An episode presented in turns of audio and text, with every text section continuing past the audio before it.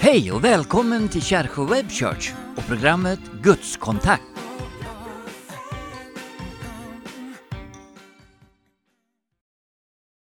Hej och varmt välkommen till Kärsjö Web Church och vårt program Gudskontakt. Jag vill också hälsa dig välkommen som lyssnar via radio. Vi sänder nämligen vårt program via flera podcasts. Kärsjö Web Church är öppet 24 timmar om dygnet. Lennart, vad betyder det? Det betyder att man kan se på våra program när som helst och vi vill ju gärna att ni prenumererar på vår Youtube-kanal. Och tittar du på Youtube nu så har du en röd fyrkant här nere i ditt högra hörn där det står prenumerera. Då får du veta när våra program läggs upp. Mm. Gör gärna det och kan, du kan också gå in på vår hemsida www.taltmissionen.se och där hittar du alla program som ligger lite grann bakåt i tiden. Vi vill också säga ett jättestort och varmt tack till dig som eh, är med i Tältmissionens arbete. Tältmissionen har, eh, eh, har arbete över hela världen och Kärsjö Web Church det är en utav de programpunkter eller de arbeten vi har. Och vi behöver dig som månadsgivare. Och även det så hittar du om du går in på vår hemsida www.taltmissionen. Där kan du anmäla dig att bli månadsgivare och vara med i det här oerhört viktiga arbetet.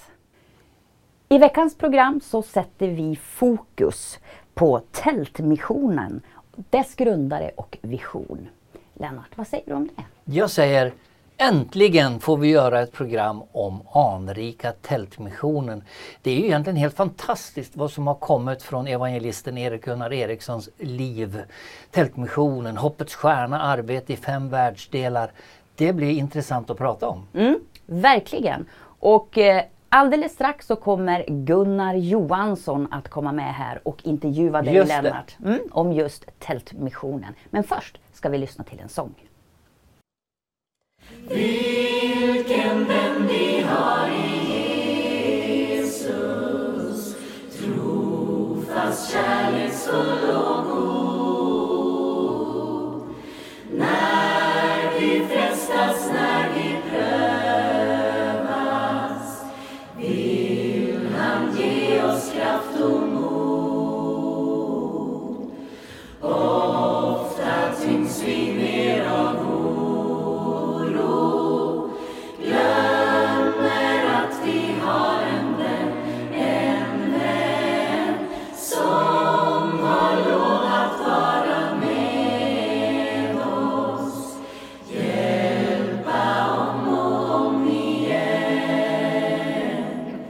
en liten stund med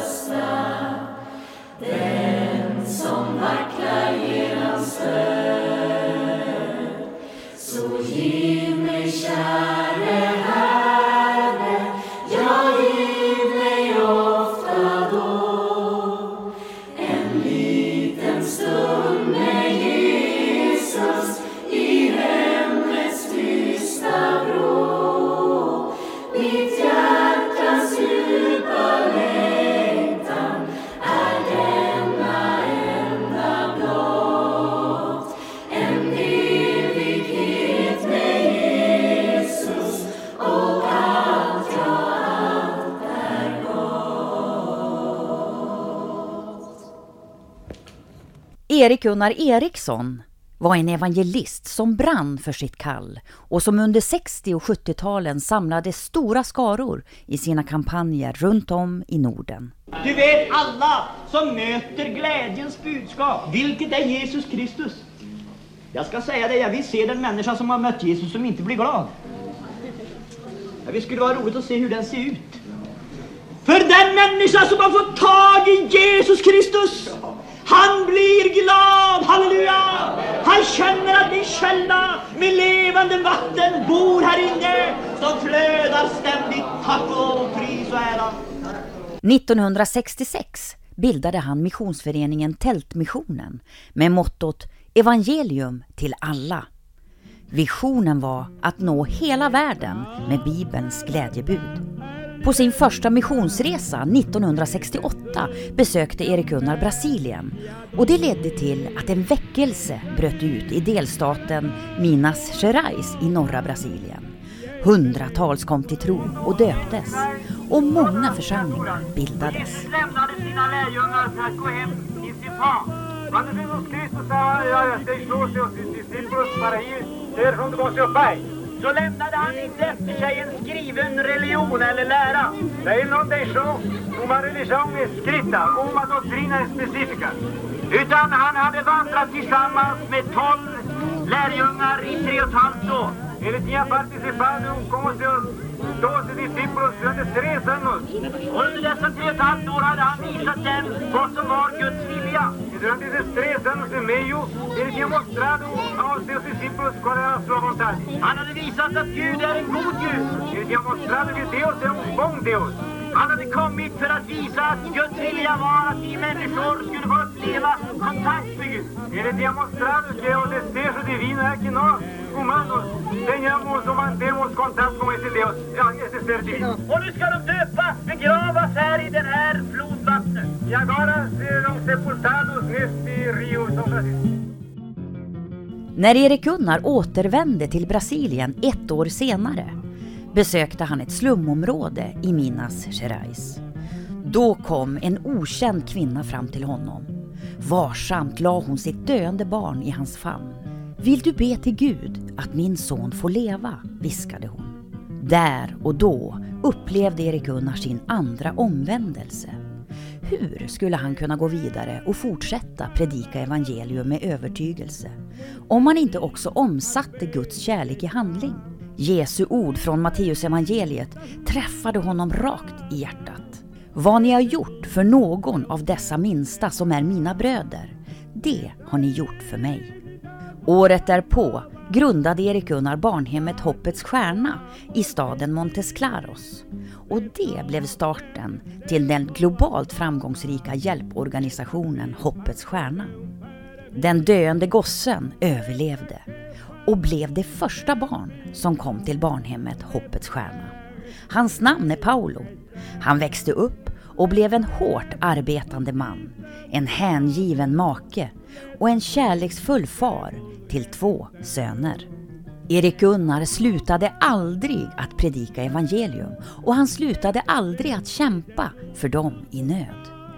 Alltid med evangelium i centrum och alltid med det sociala ansvaret som en självklar del i arbetet. Argentina, Kenya, Filippinerna och Haiti Mm. är bara några av de länder som nåtts av hans mission. Strategin att verka genom nationella vittnen har skapat hållbara verksamheter i fem världsdelar.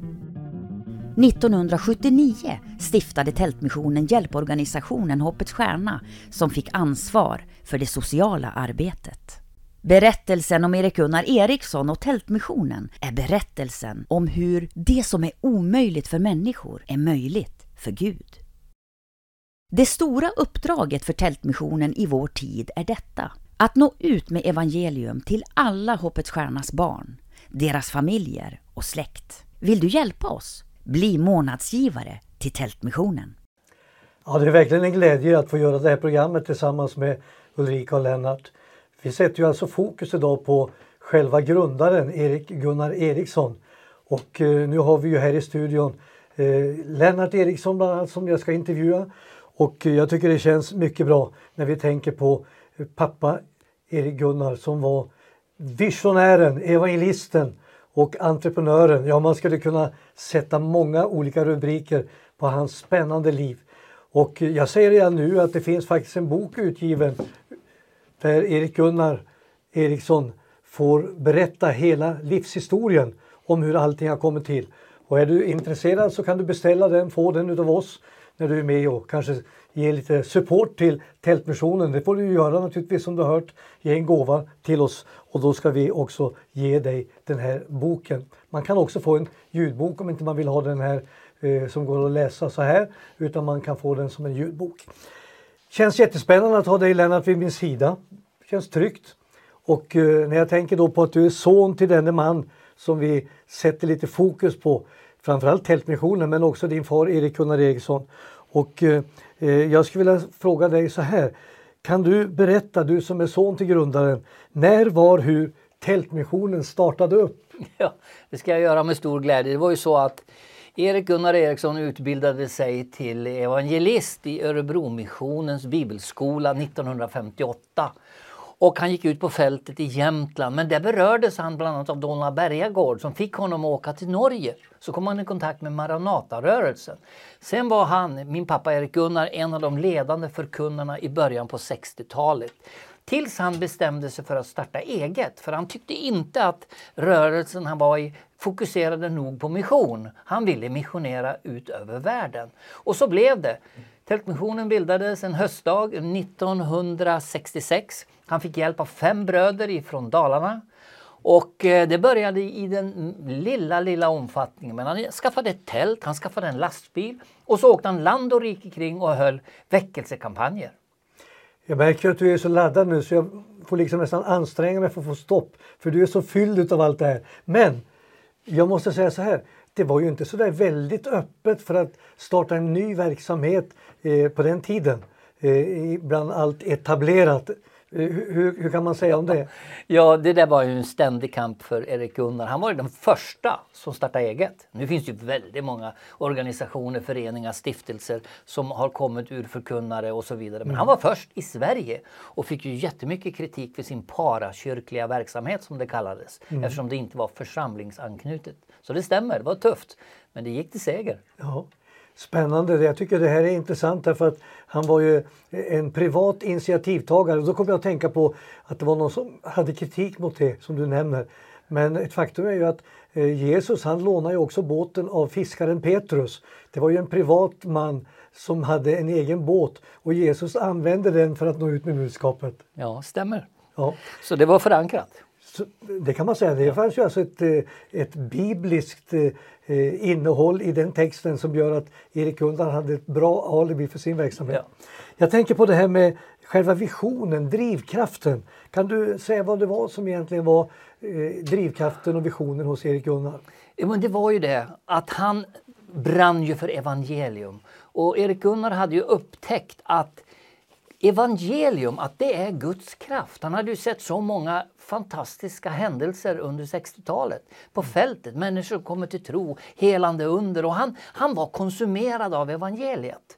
Så han, när Tältmissionen bildades då blev det ju det att evangelium till alla, det var ju det som var portalparagrafen. Och det började ju med att, som jag nämnde, åka runt med ett tält och ha väckelsemöten i eh, tältet. Och därav namnet Tältmissionen också, för det bildades i ett tält.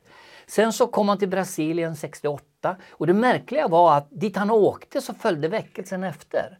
Han kom till eh, Minas Gerais som ligger norr om, eh, ja, i norr av Brasilien och där bröt väckelsen ut. Och sedan så växte det där vidare. Han började också jobba i Afrika, i Kenya, i Uganda. Men det var Brasilien som var liksom närmast hans hjärta. 1969 kom han ut till Brasilien igen och då var det så att han predikade under skydd av en militärpluton därför att han var hotad till livet. Eh, mörka krafter i Macumba och katolska kyrkan hade bestämt sig för att svensken skulle stoppas och hotade honom till livet och det blev så att han fick skydd. Men allt det här fick en eh, dramatisk eh, upplösning i en dopförrättning i en stad som heter Francisco Sa, i floden. Då över 200 människor döptes till Kristus under en och samma dag. Och efteråt har vi fått veta att man planerade att göra ett attentat Idag känner vi till det här med attentat och terrorattacker och det var något liknande man hade tänkt med vapen och så vidare. Stoppa evangeliet i Minas. Men det gick inte. Det blev ingenting. Det var en underbar seger och efter den där dopförrättningen då bröt det ut ordentligt och många församlingar bildades. Så din far Erik Gunnar Eriksson, han lät sig inte skrämmas av motståndet? Nej, han var väldigt envis och orädd. Och jag har ju tänkt så här i efterhand att han vågade. Mm. Alla avrådde honom för att åka dit. Men han sa nej, men jag måste åka dit. Mm. Det kan inte undgås. Jag tänker på apostlarna som det berättas om i Apostlagärningarna, om Petrus och Johannes. De ställdes ju också inför rätta och de skulle hindra dem att verka i Jesu namn. Eh, och då fick de påbudet att de skulle inte få förkunna evangelium om Jesus. Och då säger Petrus, tror jag det var, att skulle vi lyda er mer än Gud? Nej, det förstår ni väl själva att det kan vi inte göra. Det var lite så med Ja, Erik Gunnar. det, var, det var samma sak. Ja. Han kunde inte säga nej, han var tvungen. Ja. Spännande. Och nu har det ju utvecklats kolossalt arbete i Brasilien. Det är ju flera miljoner som Låt mig berätta om vad Erik Gunnar bidrog till. Det bildades ett, ett samfund 69. Och idag, hör och häpna, så finns det över 70 församlingar och 10 000 medlemmar Mm. ur den församlingsrörelsen. I alla fall så har det burit frukt. Och även om vi inte understödjer evangelisterna och pastorerna idag ekonomiskt så tillhör vi ju samma familj. Mm. Vi är ju sprungna ur samma källa. Så att det var fantastiskt att möta Mm. dem här om året faktiskt. Ja, det är spännande och jag tänker på också att pingströrelsen i stort har ju haft en enorm framgång i Brasilien. Mm. Det började med Daniel Berg och Gunnar Wingren och sen har det ju spritts. Så mm, både den rörelsen som din pappa representerar och övrigt med pingströrelsen så är det ju miljoner som har kommit till tro Ja, och fått uppleva förvandling. Spännande! Man kan säga att det som vi står i är ju en gren av det trädet. Mm. Det är helt klart så. Ja, jag vill säga det till er nu att vi, vi kommer fortsätta med lite frågor till Lennart när han är nu på plats i studion och vi får ha det här fokuset med hans far alltså Erik Gunnar Eriksson, entreprenören, evangelisten och visionären. Och det är den här boken som jag redan har nämnt om som du kan få del utav. Antingen som bok här, eh, en vanlig bok eller också som ljudbok. Men låt mig också säga att eh, Donald Bergård ska få sjunga en sång utifrån Minns du sången? Och eh, sen ska vi återknyta och koppla ihop med detta med Donna Bergård för det är mycket intressant. Men nu får vi lyssna till en sång utav honom. Min kung och jag, vi vandrar smala vägen där många människor ofta går förbi. Jag känner mig så lycklig i hans närhet.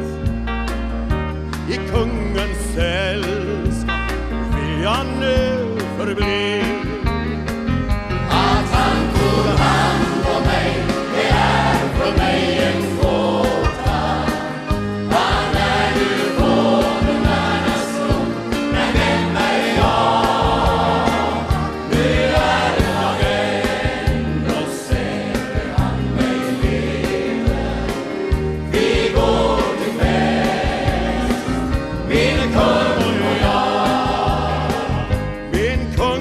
och jag, vi kände ej varann. Och jag gick där så ensam med all min nöd. Till dess han kom och han tog mig själv i handen. Min kung, han gav mig nåd i överflöd. Att han tog hand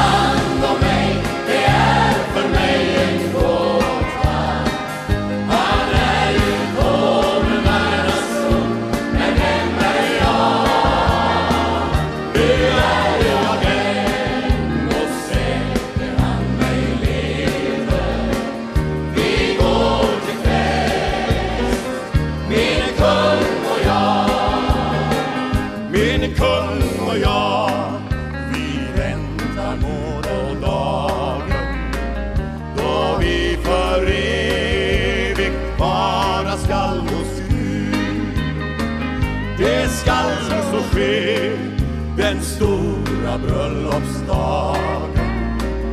Vi reser hem,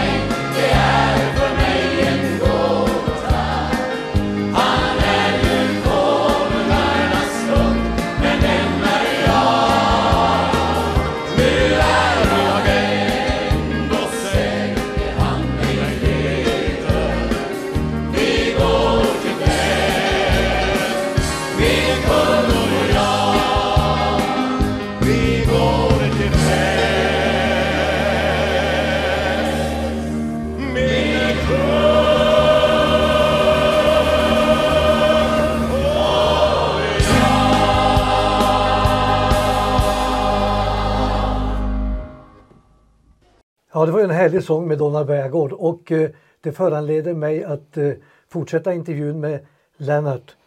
Och eh, det här med Donald Bergagård det är ju inte heller bara liksom taget ur luften. Det finns ju en samverkan med Erik Gunnar och Donald.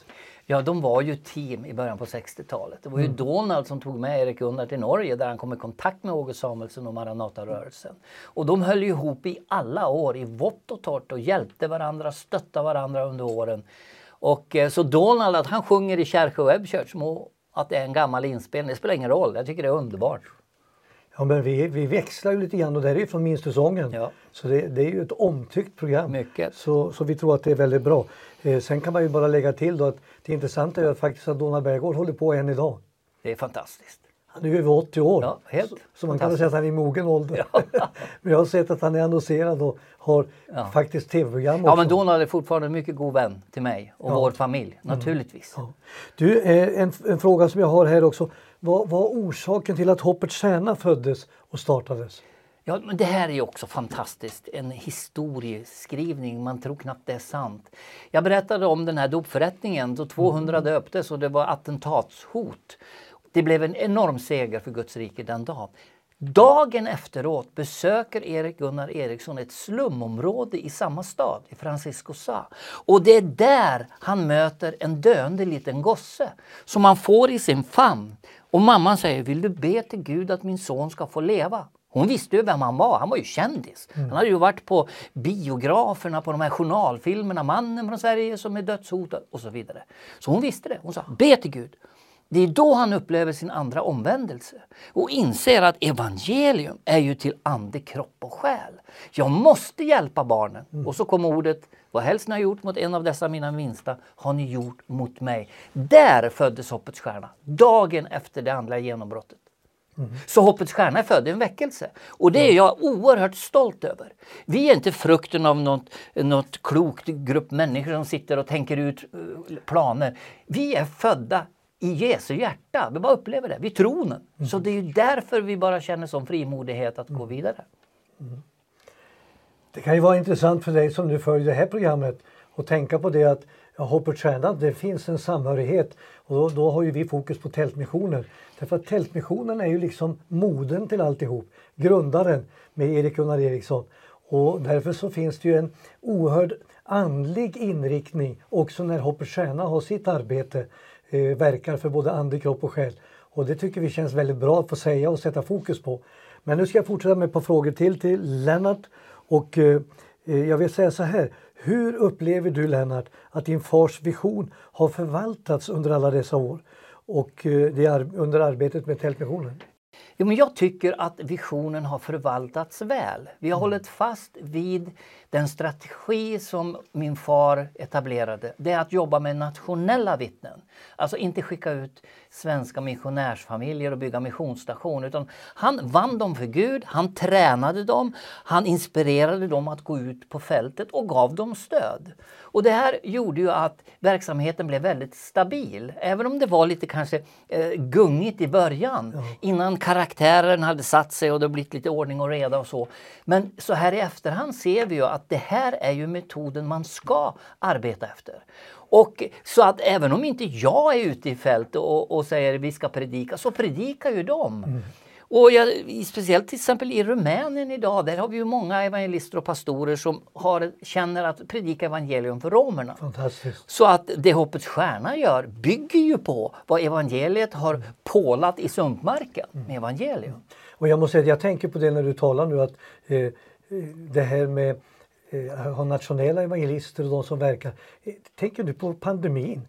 Att eh, arbetet stannar ju inte upp utan när du har nämnt Rumänien nu Ja. så har ju det gått med full kraft Ja, trots att pandemin drabbade oss i Sverige, ja även andra länder och även där ute. Men det fanns nationella eh, arbetare på plats som har verkat. Ja, det härliga var ingen behövde åka hem, för de var redan hemma. Ja. och så de har ju jobbat på i alla fall.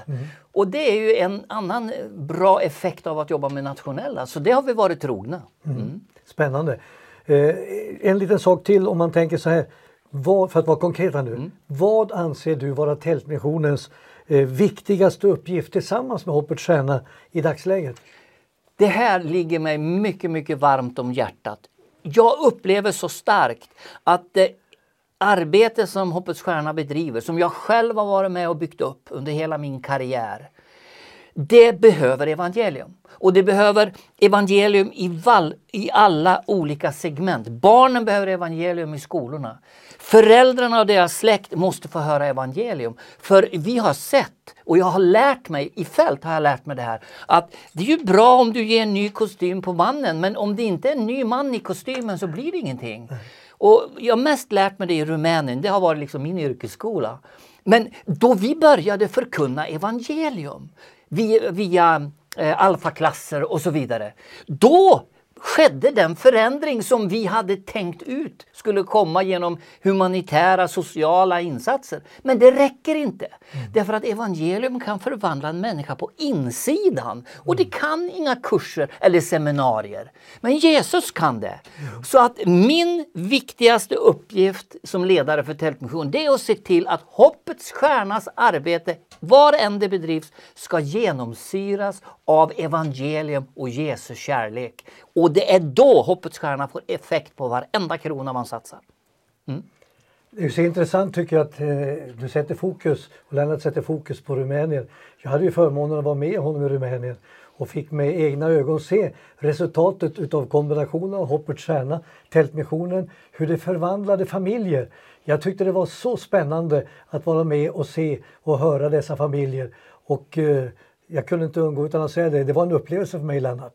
Det var konkret att få se vad det betydde för de här människorna som fick sitt liv totalt förvandlat. Jo, och det, här står vi och pratar om det, liksom, det låter som några sagor, men det är de facto sant. De som var fullständigt i mörker, som kände depression och inte hade lust att leva. Helt plötsligt genom att de mötte Jesus fick lust att leva. De fick lust att sköta sig. De fick lust att ta hand om sin familj. De ville värna om familjens försörjning. De ville ha ett jobb, de ville komma i tid. Ja, men evangelium reser ju upp människor. Mm. Eh, nu måste jag bara få styra in på att säga att även Kärrsjö Webchurch som nu sänder det här programmet vi är ju till och har funktionen tack vare Tältmissionen. Ja, men vi vill ju i Tältmissionen få fart på alla grenar. Ja. Jag vill ju få fart på Hoppets Stjärna, men jag vill ju också få fart på Tältmissionen. Och den här webbchurchen som är en direkt effekt av pandemin faktiskt. Ja. Den hoppas vi ska vara till gagn för människor som söker efter meningen med livet, som kanske har problem eller bara vill växa till i sin tro, vad det nu än är. Mm. Vi vill vara en röst. Och när du säger det, pandemin, det var ju då vi satte fokus på att Kärrsjökonferensen som det då hette, ja. det skulle ju inte läggas ner utan det skulle läggas om. Så vi sände ju digital konferens. Ja, vi har sänt två nu. Ja, och nu har vi den tredje på gång. Ja, och jag tycker också det här är fantastiskt. Att vår Kärrsjökonferens som startade 1964 och det är så många människor som refererar till denna konferens. Då förvandlades mitt liv, då tog jag beslutet att tjäna Herren och så vidare. Att den inte lades ner under pandemin utan vi lade om. Mm. Genom att använda den nya teknologin och så. Och det är ju ett tacksägelseämne att vårt röst inte har tystnat. Mm. Man kan säga det att 2022, om Herren dröjer vi får leva, så har vi planerat för en ny digital konferens. Ja, det ser jag verkligen fram emot. Mm. Eh, därför så kan vi också frimodigt nu, vi har inte gjort det så ofta men vi har nämnt det. Men du som vill stötta nu eh, ekonomiskt Tältmissionen, var gärna med och gör det så att vi kan fortsätta produktionen av Kärrsjö Web Church. Och du kommer att se i bild hur du kan ge på plusgiro eller swissa in pengar. Och då hjälper det oss att kunna fortsätta den här programverksamheten. Eh, vi tycker det har varit roligt att börja och hålla på men vi tror på utveckling. Men vi behöver också både förbön och vi behöver ekonomiskt stöd. Så vi säger Gud välsigne dig för den insats som du kommer att göra. Ja, eh, vi har ju hunnit med en hel del saker här nu. Eh, du tror på framtiden för Tältmissionen? Ja, men här skulle jag vilja rikta mig till alla tittare. Jag ska berätta sanningen för er att Tältmissionen byggdes upp under åren då min far var stark. Okay? Alla givarna kom till under hans år. Och sanningen är att vårt bärarlag, vårt förebedjarlag, de har kommit till åren. Och många flyttar hem till himlen. Och vi behöver en ny generation, både förebedjare men också ekonomiska bidragsgivare. Ett bärarlag som gör att den här missionen kan fortsätta att utveckla, utveckla Hoppets Stjärna, utveckla Kärrsjö Web Church eller vad du än Herren lägger på våra hjärtan. Mm. Så att eh, Ja, det är sanningen. Vi behöver hjälp. Mm. Ja, då vill vi än en gång säga det att du kan ju få med dig den här boken om du hör av dig till oss. Där du kan läsa allting och verkligen eh, få del av hela historiken omkring Tältmissionen. Och vill du istället ha en ljudbok så kan du höra av dig så ska vi ordna det. Men eh, vi är ju måna om att du ska få liksom kunna ha det här dokumentet eller boken så att du ser vad som har hänt genom Tältmissionens många år utav verksamhet. Och med det så vill jag ändå säga tack till dig Lennart. Tack. För att du har varit med och svarat på mina enkla frågor. Vi Tack. ska ha mer om Tältmissionen framöver. Och vi säger tack till er som är med och lyssnar till oss och tittar på oss. Ett stort tack till Gunnar och Lennart. Det här är ju en oerhört intressant historia. Och har du den inte så se till att få tag på den här boken. Erik Gunnar Erikssons memoarer. Och du kan alltid kontakta oss. Du kan skicka ett mejl till hejtaltmissionen.se till exempel och tala om om du vill ha den. Ja, med det så är vårt program slut för ikväll och jag hälsar dig varmt välkommen nästa vecka till Kärrsjö Web Church. 100